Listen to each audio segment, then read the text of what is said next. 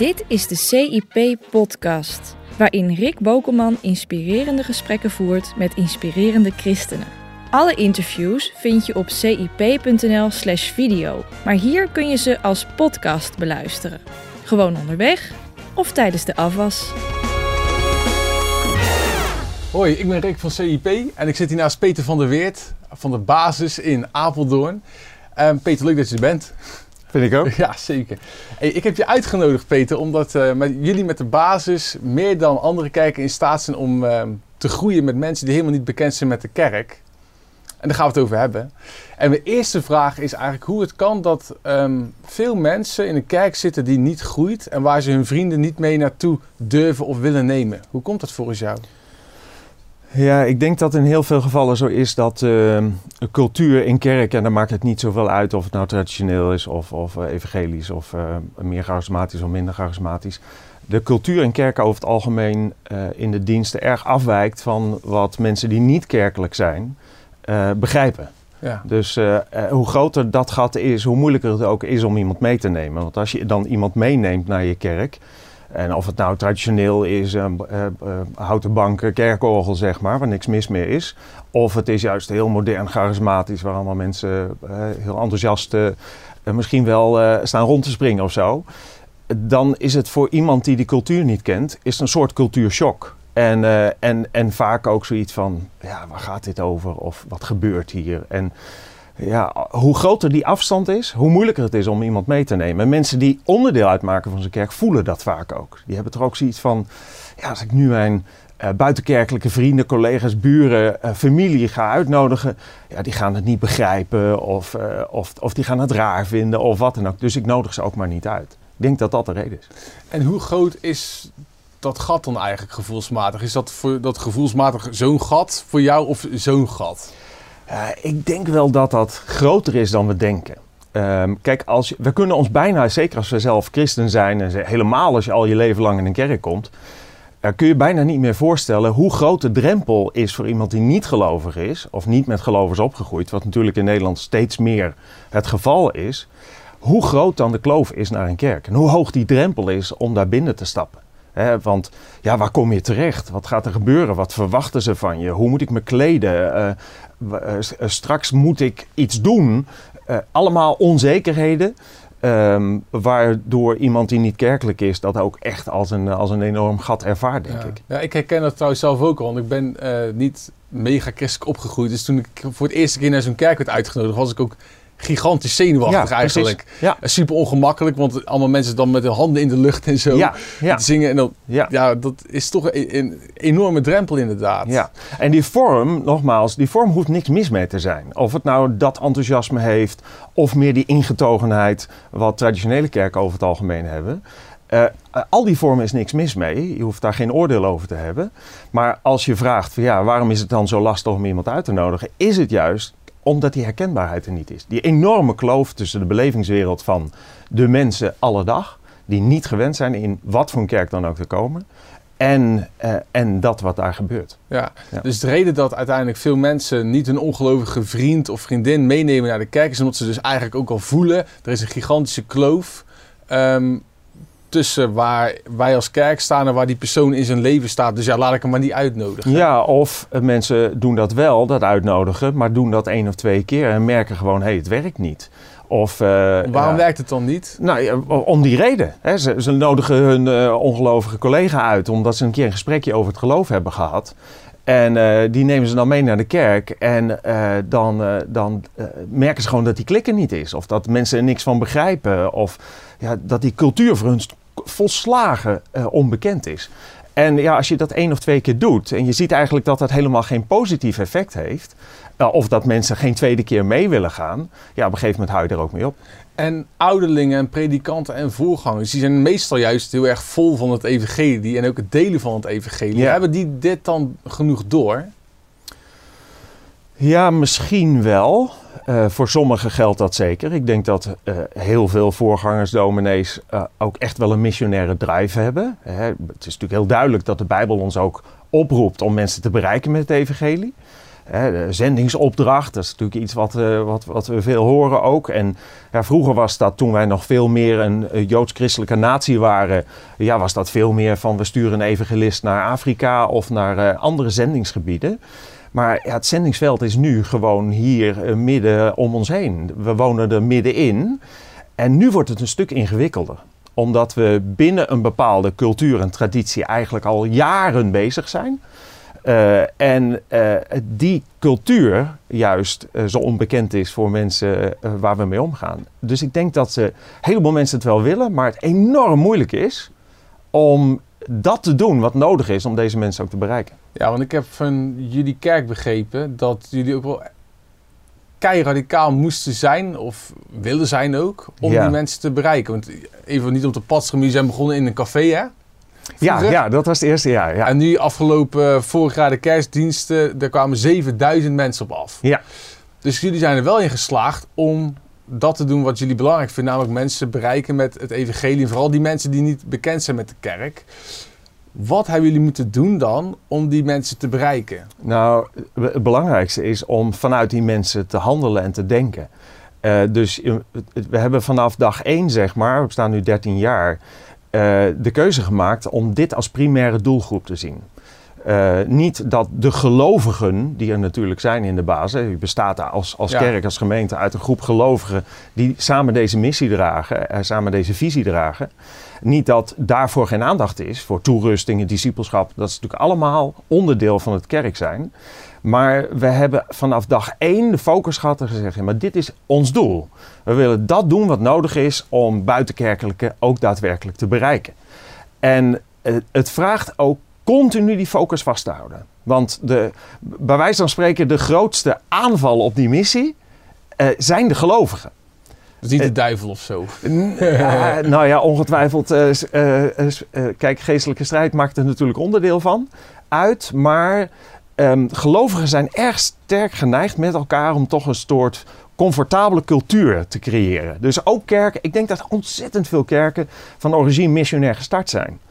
Maar langzamerhand toch, eh, ja, eh, ons kent ons zijn geworden. Ja, er de kat ingekomen. Dit zijn onze manieren. Ja, vooral ook omdat het bereiken van buitenkerkelijke gewoon heel veel vraagt.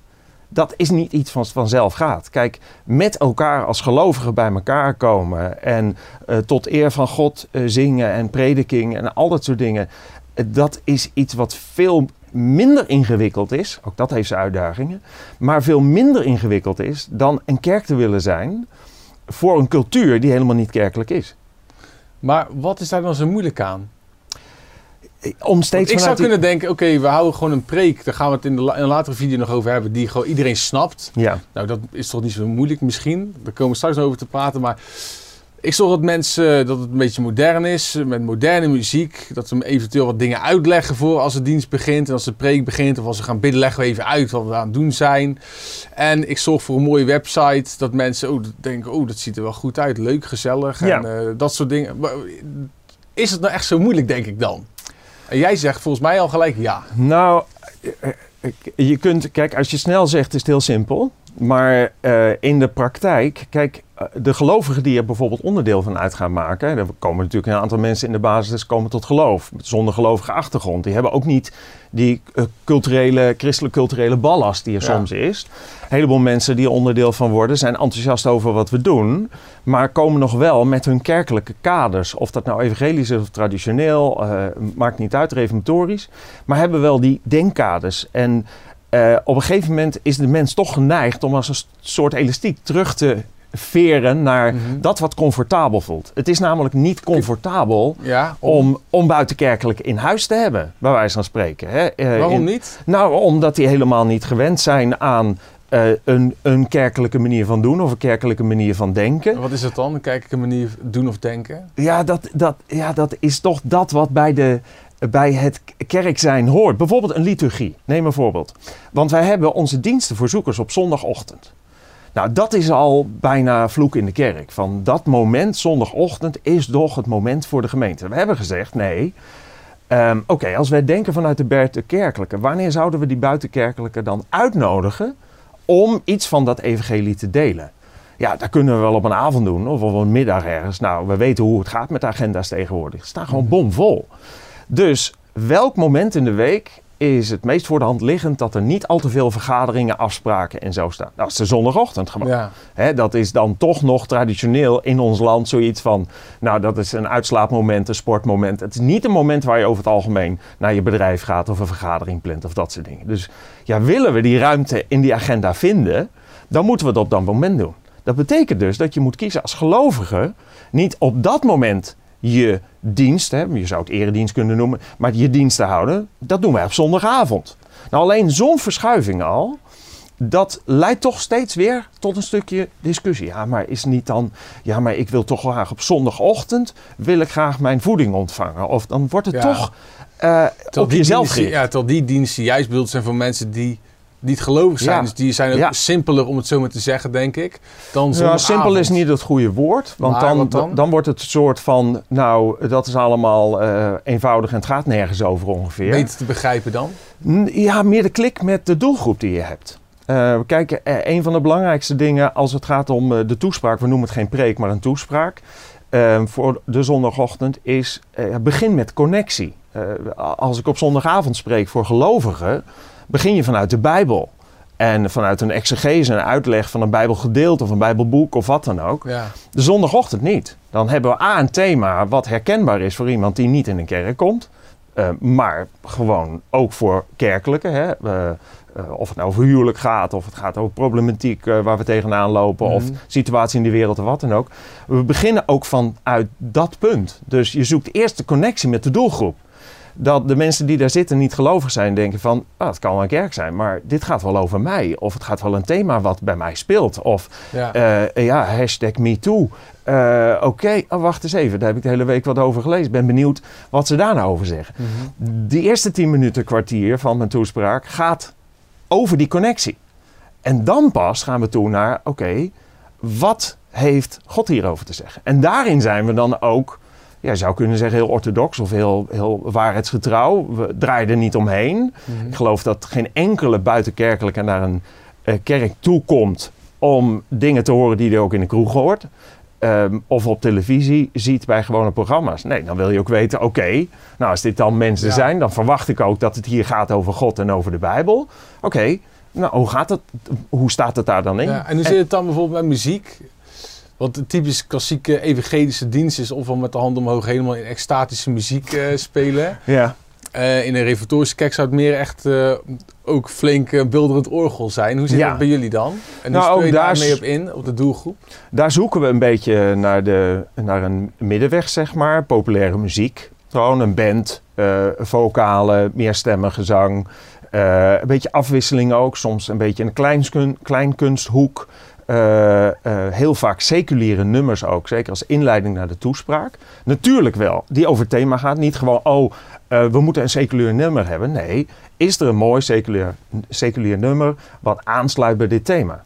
Wat mensen ook kennen, wat herkenning Wat herkenning is, en wat, of het nou van Stef Bos is, of nou wie dan ook. Maar Mhm. een, een nummer wat herkenbaar is, wat over het thema gaat. En daarvanuit starten we dan ook. Eh, dus die muziek proberen we ook die connectie en die herkenbaarheid te maken. Marco Borsato, prachtige nummers die allemaal een soort van tweede, hè, diepere laag in zich hebben. Die je in de toespraak verder kunt uitpakken. Nou, daar maken we heel veel gebruik van. En dan, dat geeft meteen een soort van ontspanning. Van, Mhm. Oké, het gaat. Het, zijn niet allemaal. Er worden niet allemaal liedjes gezongen die ik niet ken. Er zijn ook niet allemaal mensen om me heen die dingen doen die bij mij op kantoor nooit gebeuren. Wij stimuleren onze eigen mensen ook heel duidelijk om bijvoorbeeld niet met je handen in de lucht te gaan staan.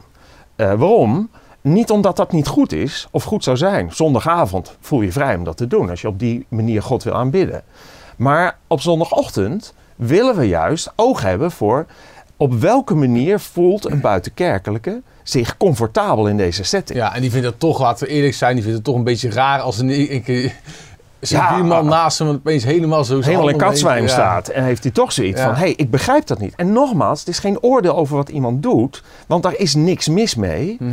Alleen het gaat erom: sta je daar op dat moment voor jezelf? Hè, of voor jezelf om God te eren op die manier? Of ben je op dat moment gefocust op de mensen om je heen? Ja. Wij vragen meer aan gelovigen die daar zitten en ook die onderdeel uitmaken van de basis.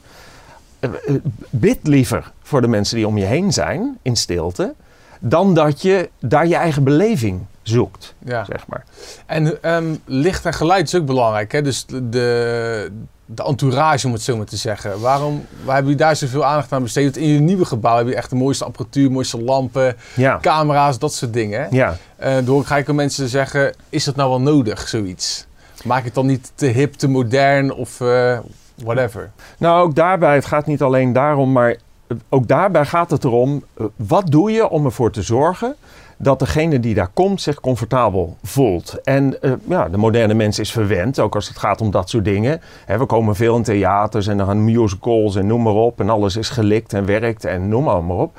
En dan vinden we het ook heel belangrijk om dat in een kerk ook te doen. Niet alleen dat terrein, dat begint bij ons. En dat is ook de groep, de, de groep die het meest genoemd wordt door buitenkerkelijke. Het begint bij de bekeerdienst zeg maar, die mensen vriendelijk opvangt. En als mensen aankomen rijden en daar worden ze al op een vriendelijke manier welkom geheten, met een glimlach, of het nou regent of het is droog, dan hebben mensen, horen we heel vaak toch zoiets van: oké, ehm, hier gaat voor me gezorgd worden. Dit gaat goed komen. Mensen laten me niet aan mijn lot over.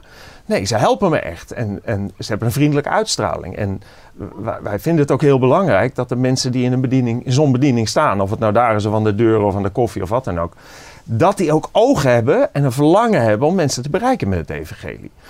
En het is heel belangrijk dat niks in dat hele pad tot aan zeg maar de toespraak toe en ook dat zelf ehm, storend is. Kijk, als je in een kerk komt, dat is buitenkerkelijk, en je kunt geen parkeerplaats vinden. En, en de ingang is bijna niet te vinden, de koffie is niet te pruimen. eh, de teksten verschijnen op verkeerde momenten, de microfoon zingt rond en valt drie keer uit. En het filmpje proberen ze te starten, maar het is niet gelukt. Dan hoef je niet meer te beginnen met de toespraak. Er zijn zoveel afleidingen, er zijn zoveel... Ja, waardoor mensen bijna het gevoel hebben van... hé, er wordt helemaal niet op me gerekend of ze hebben zich helemaal niet voorbereid. Want ja, niks klopt hier. Het verhaal zal ook wel niet kloppen. En zo is het ook misschien met die verlichting waar ik het over had. Ja. Dat als je witte TL-balken hebt, Ja. ja, het is toch minder prettig dan gewoon echt mooie verlichting alsof je in een theater bent. Ja, en natuurlijk kunnen mensen eh, zeggen van ja, maar ik ken een verhaal. Er kwam iemand in een eh, ruimte, was helemaal tel verlicht. En we hebben daar gepraat over het evangelie en die is tot geloof gekomen. Tuurlijk gebeuren die dingen. Maar- of Gods geest moet het toch doen. Dus hoezo eh, ben je zo bezig met al die, Ja, die ja. randdingetjes voor Ja. mijn gevoel? Ja, nou dat, ze- dat, die kritiek zou je ook kunnen hebben op de manier waarop de tempel is vorm, vormgegeven in het Oude Testament. Hè. Daar staat ook dat eh, die werd gebouwd door vaklieden. Vaklieden op gebied van hout, vaklieden op gebied van goudbewerking en noem maar op. Dat zag er tip-top uit. Tot eer van God. Ik vind al die dingen eh, is geen doel op zich, maar vind ik wel tot eer van God. Wij streven, eh, dat noemen we ook altijd, uitmuntendheid naar. Ehm, Wat is dat? ja, dat is eigenlijk datgene wat maximaal haalbaar is met eh, maximale inspanning. Eh, eh, perfectie is niet haalbaar. In deze gebroken schepping is perfectie iets wat eh, ons alleen maar uitput, maar ons niet verder brengt. Uitmuntendheid, ja, voor mijn gevoel ligt dat daar zo dicht mogelijk bij. Je zoekt dus het best mogelijke. Met de gave talenten die je in huis hebt, met de middelen die je in huis hebt. Het, het beste geven tot eer van God. Dus als jij bij wijze van spreken acteerles moet volgen om ervoor te zorgen dat de rol die jij in een musical hebt, dat die het beste is, dan doe je dat. ja, dan doe ik dat. Ja, ja. En waarom is dat dan zo belangrijk? Want die houding die hebben volgens mij ook veel kerken niet, of die is er misschien niet, omdat daar weer veel meer ja, vrijwilligers zijn er en dan moet je überhaupt maar blij zijn als ze iets voor je doen. Dat, dat sfeertje hangt er vaak bij vrijwilligers in plaats van Ja, meer wat ik bij jou hoor. Van hey, iedereen die hier eh, actief is, die zou eigenlijk het beste moeten geven wat, eh, vanuit hetgeen wat het beste haalbaar is bij die persoon. Ja, eh, kijk, we, we- ik heb het er ook wel regelmatig over. Het is ook wel een beetje DNA van onze kerk dat we zeggen. Kijk, eh, wa- wat ik in heel veel kerken zie, en niet allemaal, en het is geen oordeel om uit te spreken, maar er is wel heel veel middelmatigheid. En dan, dan hebben we iets geprint eh, met tekst of zo, en dan zeggen ah, nou ja, eigenlijk zat er geen toner meer in. Maar goed, uh, het kunt het net lezen, het is voor de Heer. Zeggen we dan er ook nog achteraan. Dan denk ik, my goodness, nee toch? Maandag ben je op je bedrijf aan het werk, maak je een offerte. Dan gooi je dat in de prullenbak, doe je nieuwe toner in en zorg je dat, het, dat je offerte er piekfijn uitziet. Denk je, waarom doen we dat nou niet in een kerk? Waarom gaan we niet voor die uitmuntendheid? Wat denk je, wat is daar het antwoord op? Ja, ik, ik, dat, dat, ik, daar weet ik niet. Op een of andere manier hebben mensen soms toch het idee dat, eh, dat het al gauw goed genoeg is. En dat het inderdaad van ja, de geest moet het doen. Of het gaat om de geest. Natuurlijk moet de geest het doen. Alleen het gaat er wel om. eh, op welke manier, zeker als wij onze diensten vormgeven en kerk zijn op zondagochtend, op welke manier bereiden wij het maximaal voor, zodat Gods geest daardoorheen ook zijn werk kan doen? En die voorbereiding is misschien dus wel belangrijker dan wij denken. Ja, die voorbereiding is super belangrijk. Kijk, dat is net zo al. Ik stap niet het podium op en zeg: Nou, oké, ik ga, ik, ik wacht af wat de geest nu op dit moment spontaan gaat doen. Er zijn kerken die dat doen, maar heel vaak zie je veel meer herhaling van zetten dan, dan eh, nieuwe, inga, nieuwe inzichten of dergelijke. Ik vind het juist heel erg belangrijk om me goed voor te bereiden. En ik zoek juist die leiding van Gods geest in mijn voorbereiding. En in mijn gebed en in mijn zoektocht. Heer, wat wilt u nou dat ik, dat ik zeg? En dan graaf ik dieper. En dan ga ik nog dieper een tekst in. Of nieuw, nog dieper een thema in. Eh, voordat ik het podium opstap. En, en op welke manier God geest op dat moment wil inbreken. Of me een hele toespraak over hoop wil trekken. Of wat dan ook. Eh, I'm available. Maar het zal niet zo zijn dat ik zeg... Hey, ja, ik heb niks te vertellen, want Gods geest is er nu niet bij wijze van spreken. Ja, Ja. maar je zit je gewoon goed voorbereid. Ja, Ja. dat vind ik super belangrijk. En als je nou wel met je kerk mensen wil bereiken, mensen die niet gewend zijn om naar de kerk te gaan, zoals de doelgroep bij jullie is, maar je wilt niet zo ver gaan als wat jij net hebt omschreven. Dus dat je met de muziek, met eh, het welkomsteam, met de parkeerplek, met de koffie, met eigenlijk alles echt je best, best, best doet. Mhm. Gaat het dan lukken om die mensen te bereiken? Als je het dus wel wilt, maar Ja, je wilt kijk. niet de prijs ervoor betalen, om het zo maar te noemen. Nou ja, zonder een prijs te betalen eh, gaat er niks werken. Eh, we, we- we, leven in een gebroken wereld waar eh, de wetmatigheid is no pain, no gain. Eh, dus zonder moeite ontstaat er niks. Alle, vanaf het moment dat Adam en Eva uit de situatie van het paradijs kwamen, was het of je spant je in of je gaat dood. Eh, dus er komt niks tot stand zonder inspanning. Dus dat kan ook in een kerk niet. Als je niet wil inspannen om mensen te bereiken, ga je ze niet bereiken. Ja. Hè? ehm, en, maar dat betekent niet dat je deze vorm hoeft te kiezen. Ik, ik, ik zou de laatste zijn die zou zeggen van nou, zoals wij doen als basis, zo moet iedere kerk het doen. Wat zeg je dan wel? Nou, eh, eh, dat het je focus moet hebben. Dat evangelisatie en de verkondiging van het evangelie wel heel belangrijk is. Kan zijn dat bijvoorbeeld een kerk heel erg nadrukkelijk steeds eh, zijn focus heeft op mensen. Als je nou als gelovige te midden van ongelovigen bent, op je werk, op het schoolplein, noem allemaal maar op. Hoe kun je dan zo leven dat je voor mensen een getuigenis bent? Dat je een licht bent op de plek waar je bent. Dat is heel wat anders dan een dienst houden voor buitenkerkelijke. Eh, er zijn kerken in Apeldoorn die zich heel erg inspannen om mensen die het veel minder hebben, ehm, om die eh, te helpen. Hè, of het nou met kledingbanken is, of met voedsel of, of wat dan ook. Het is natuurlijk ook een fantastische vorm van evangelisatie. Dus eh, het is zeker niet zo dat de vorm die wij hebben gekregen de vorm is die iedereen zou moeten kopiëren. Nee, want wij komen bijvoorbeeld aan die doelgroep misschien veel minder toe dan dat een andere kerk doet. Dus, maar het moet wel een focus hebben en het moet, ook, eh, ja, het moet je ook wat mogen kosten. Om daadwerkelijk op welke manier dan ook die doelgroep te bereiken. En als een kerk alleen maar is van, nou we komen samen, we hebben het fijn samen, dan wordt het toch gauw een soort van geestelijke zelfbevrediging, waar je, Ja. waar het allemaal wel echt heel erg fijn en lekker en warm hebt en zo, maar waar groei eigenlijk heel vaak uitblijft. En wat is dan de grootste prijs die jij hebt moeten betalen? Ja, dat is toch steeds. eh, nou, ten eerste natuurlijk die inspanningen, maar goed, dat zijn nog de dingen die redelijk comfortabel zijn. De grootste prijs is de weerstand. En, en met name, eh, de, de, de grootste weerstand komt niet van buitenaf. Mhm. Komt niet vanuit de ongelovigen of zo, of wat dan ook. Want ja, als er iets is wat een kerk één en sterk maakt, dan is het, dan is het wel het feit dat je aangevallen wordt van buitenaf. Ja. Nou, dan wat is dan de grootste weerstand die je intern hebt gekregen? Nou, van binnenuit. Van, van, Hoe gaat het dan? Nou, mensen die toch zeggen van ja, maar ja, nou, we doen dat wel op zondagochtend, maar eigenlijk moeten we toch weer terug naar die, naar die vorm. Of, ehm, we- kijk, wij zoeken ook altijd een rand op van wat kan. Toelaatbaar is. Ja, dus die... die, die Zoals bijvoorbeeld die seculiere muziek bijvoorbeeld. ja, we, we, we gaan niet zo ver dat we zeggen, nou wat we nu doen is zondig. Maar we zoeken de grens op om mensen te bereiken. Niet om wereldgelijkvormig te zijn, wat is natuurlijk helemaal niet de intentie. Maar wel om die connectie te maken. Nou, heel, voor heel veel gelovigen voelt dat soms best oncomfortabel. We hebben bijvoorbeeld ieder jaar wel een serie, eh, die heet Movie Time. Dan gebruiken we een aantal seculiere films, vaak seculiere films.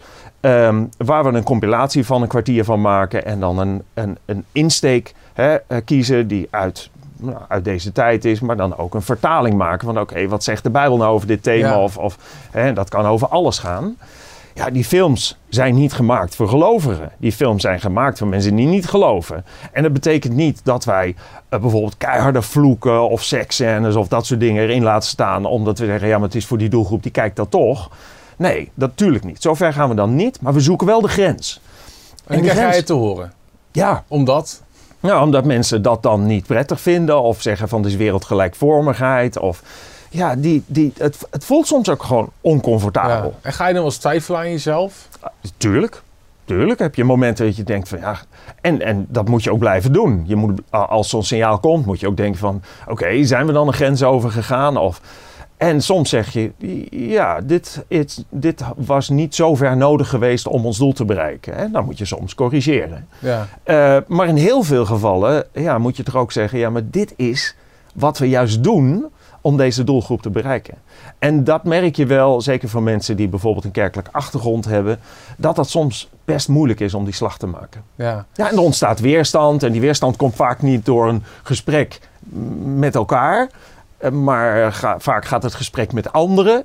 En dan ontstaat er zo'n groepje die, dat, die wat vindt. Ja, ja, Hè? Nou ja, goed, je, je weet hoe dat beweegt. Eh, niks menselijks is ons vreemd. Mhm. En dan, eh, ja, dan, dan krijg je soms daar een hele nare sfeer en een stuk weerstand. Dat zijn dingen die ik echt super ingewikkeld vind. Ja. Ik heb nog drie vragen. Als, eh, de eerste is, als nou mensen nu... We begonnen namelijk het, dit gesprek met te constateren dat heel veel mensen niet andere mensen durven uit te nodigen. In hun kerk. Mhm. Vanwege die kloof en vanwege dat het een hoge drempel heeft. Ja. Het viel me op dat bij jullie op de website eh, mensen via e-mail heel makkelijk mensen kunnen uitnodigen voor een kerkdienst en ook een serie. Is dat bewust zo gemaakt? Nou ja, we zoeken alle wegen die er zijn om mensen uit te nodigen. Kijk, de, de persoonlijke uitnodiging is altijd het beste, werkt altijd het beste. Want eh, eh, dat zien we altijd. Al- Als iemand een collega of een buurman of zo uitnodigt, heb je toch zoiets van: oké, ik ken daar in ieder geval iemand. Ja. Je stapt niet helemaal alleen binnen. en eh, ja, we zoeken alle vormen die maar voorhanden zijn. Eh, social media, ehm, ook via de website inderdaad, dat je digitaal mensen kunt uitnodigen. Alles wat daarvoor bruikbaar is. Ja. En, en binnen eh, zeg maar, de bruikbare marketing wordt toegepast, dat proberen we ook toe te passen. Want als, het is wel leuk voor de mensen om ook even misschien te checken op jullie website. Dat je ehm, series hebt jullie in de kerk. Ja. Ik noem wat over relaties. Ja. Dan kun je heel makkelijk door een e-mailadres van jouw vriend in te vullen en je eigen naam. Ja. Kan die persoon een mailtje krijgen met een hele mooie flyer, met een heel mooi pdfje. Ja. Om mensen uit te nodigen. Ja. Eh, en dat werkt dus. Ja, maar dat is dan de uitnodiging. Hè? Mhm. Dat werkt. Eh, kijk, uiteindelijk gaat het erom dat als mensen komen, dat die connectie er is. Eh, want je, je kunt niet zeggen van nou oké, eh, tegen welke kerk, oh ja, wij willen dat dan. Dan gaan wij ook zo'n pdfje beschikbaar maken op onze site. Ja, maar het gaat er wel om dat vaak dus mensen, andere mensen niet durven uit te nodigen. En het dus kennelijk wel zo kan zijn dat Het is, mensen het is wel makkelijker. durven. Ja, het Ja. is makkelijker. En, maar ook daar stimuleren we de mensen wel om te zeggen van... Ah, nodig mensen vaak uit. Je moet gemiddeld negen keer iemand uitnodigen voordat iemand komt. Soms komt iemand ook uit pure eh, ja, ellende, zou ik bijna zeggen. Zo van, nou oké, dan ga ik maar een keer. keer. Dan ben ik, ik ben nu echt zo strontzat iedere keer die uitnodiging. Ik ga nu dan maar een keer. Ja. En dan kan ik daarna gewoon zeggen dat het me niet interesseert. Ik ben nu geweest. Oké, nu is het klaar. Je hoeft niet meer uit te nodigen. Dit is niks. Nou, heel vaak zien we dan dat mensen verrast zijn over waar ze terechtkomen. Heel veel mensen denken bij een kerk. Eh, die hebben een bepaald beeld uit een film of zo, uit eh, wat dan Ja, ook. Ja. Zo ziet een kerk eruit. Dat is inderdaad ehm, eh, stoffig en koud en oud en het ruikt naar spruitjes en noem allemaal maar op. Terwijl dat helemaal niet de real- realiteit is van de meeste kerken die er zijn. Alleen, ja, omdat mensen niet komen, weten ze het ook Ja. niet. Dus die uitnodiging en het aanhoudend uitnodigen en het persoonlijk uitnodigen is nog beter dan via een e-mail. Maar ja, dat, dat moet je blijven stimuleren en blijven doen om mensen daadwerkelijk ook een keer eh, te ontvangen. Ja, mooie les. De tweede vraag die ik nog heb is... Als mensen nou tot geloof komen bij jullie... en dat zijn er heel wat geweest de afgelopen jaren bij jullie... wat Ja. zeggen die mensen dan gemiddeld? Wat is de gemiddelde reden, om het zo maar even te zeggen... van mensen om dan christen te willen worden? Om naar die kerk te willen blijven gaan? Ja, een gemiddelde reden is eh, erg ingewikkeld. Eh, want eh, mensen zijn natuurlijk totaal verschillend. Eh, uit, wat er uiteindelijk met mensen gebeurt waardoor ze tot geloof komen, is dat ze geraakt worden door Gods geest.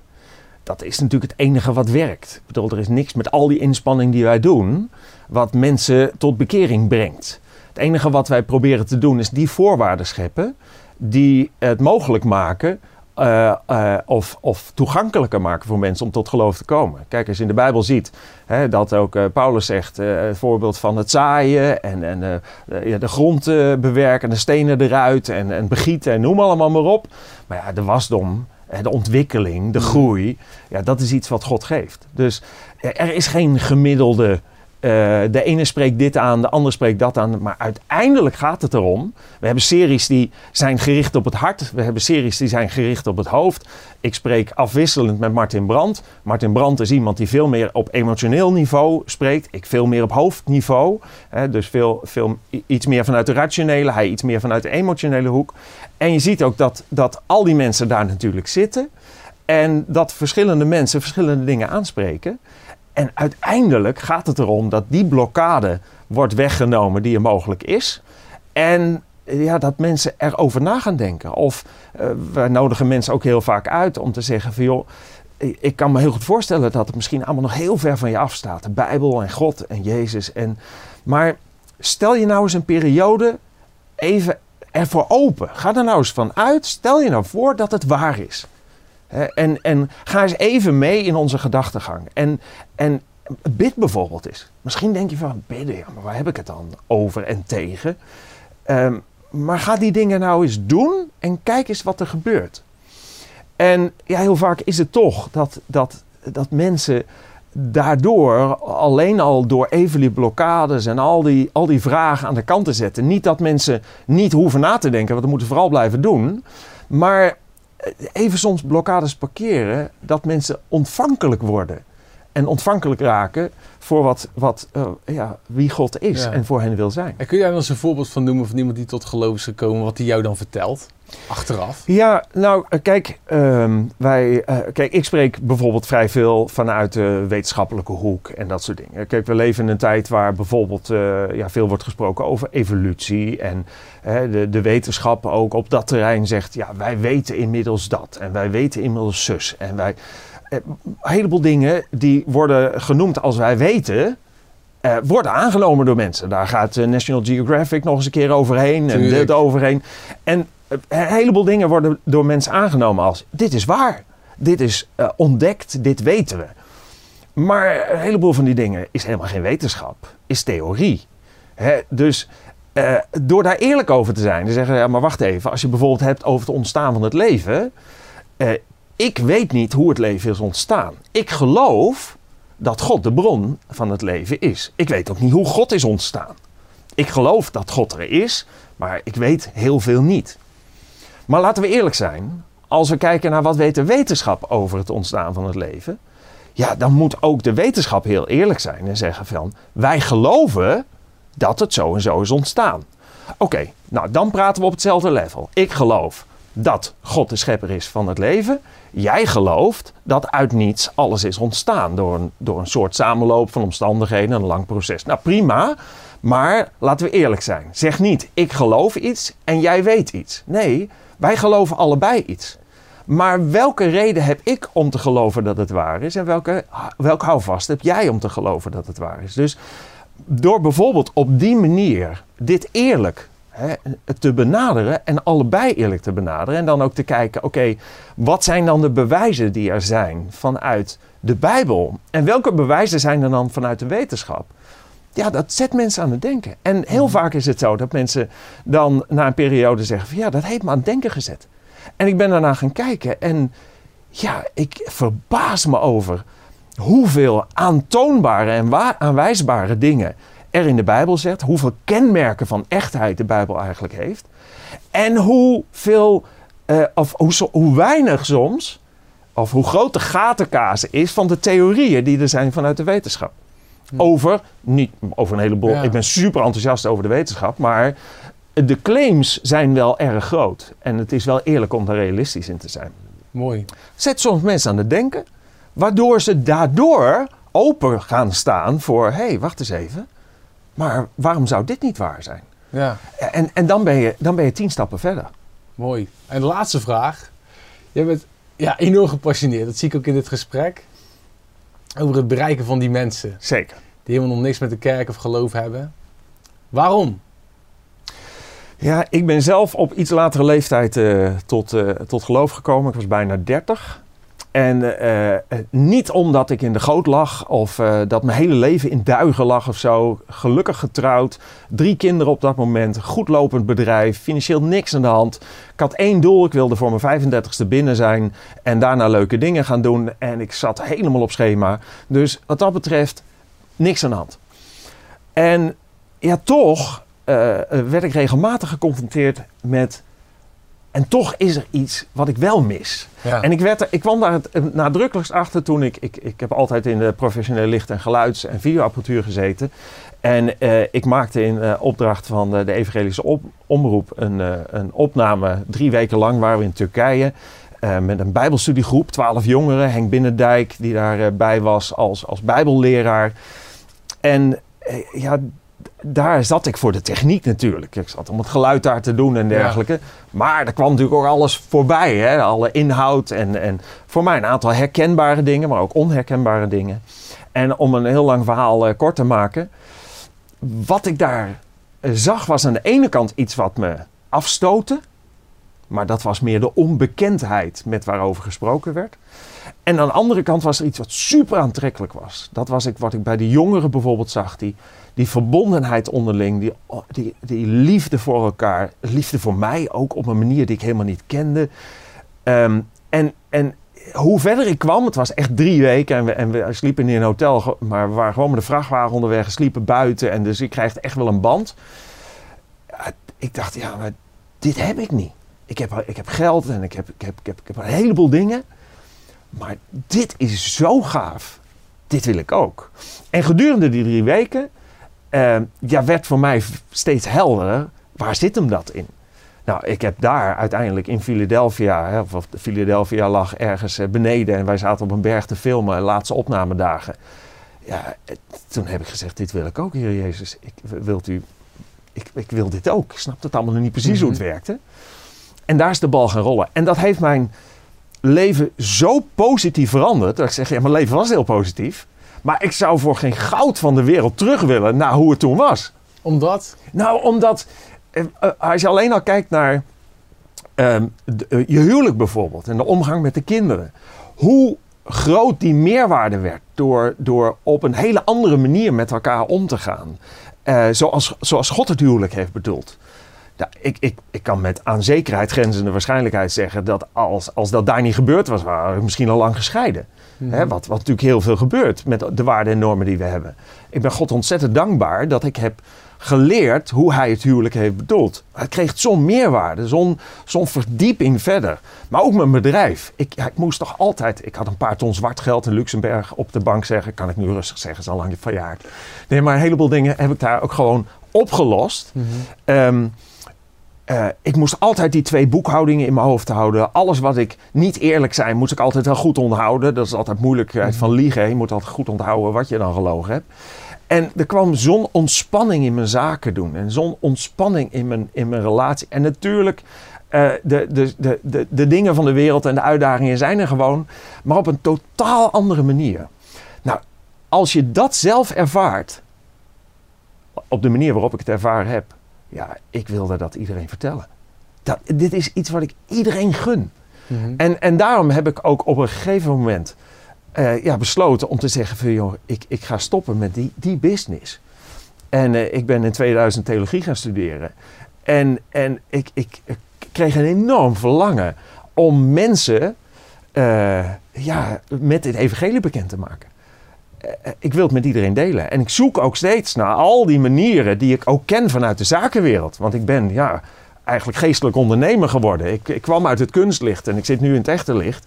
Ehm, ja, en nu nog in het kunstlicht hier in de studio. Ja, in de studio hier nog wel. Ja, ja. Maar uh, ja, het is een enorme drive om dat te doen, maar wel vanuit gewoon, de, de, net zoals ik de marketing in mijn bedrijf. je zou kunnen zeggen, het is misschien wat blasfemisch bijna, maar we hebben het mooiste product te bieden wat een mens kan krijgen. Ja. Wanneer ze door het offer van Christus met God verbonden worden. En, en we moeten alles doen om dat prachtige wat God de mens aanbiedt in zijn zoon, om dat ook uit te delen. Nou, daar wil ik tot het gaatje gaan om dat te doen. Nou, geweldig. Je hebt mij er in ieder geval mee geïnspireerd, Peter. En ik hoop ook iedereen die naar heeft gekeken. Wil je meer weten over de basis? Ga dan naar hun eh, website basis.cc. Zeg goed, hè? Ja. En uh, daar kun je ook uh, veel meer vinden over de kerk. Kun je ook dingen online bekijken. En bezoek de kerk eens een keer als je een zondag niks te doen hebt. En een kind niet naar je eigen kerk uh, wilt. Super leuk dat je keek. En Peter, hartstikke bedankt. Graag gedaan. Tot de volgende keer. Doei. Je luisterde naar de CIP-podcast. Heb je wat gehad aan deze podcast? Laat dan een recensie achter in iTunes of steun CIP.nl door CIP Plus lid te worden op onze website.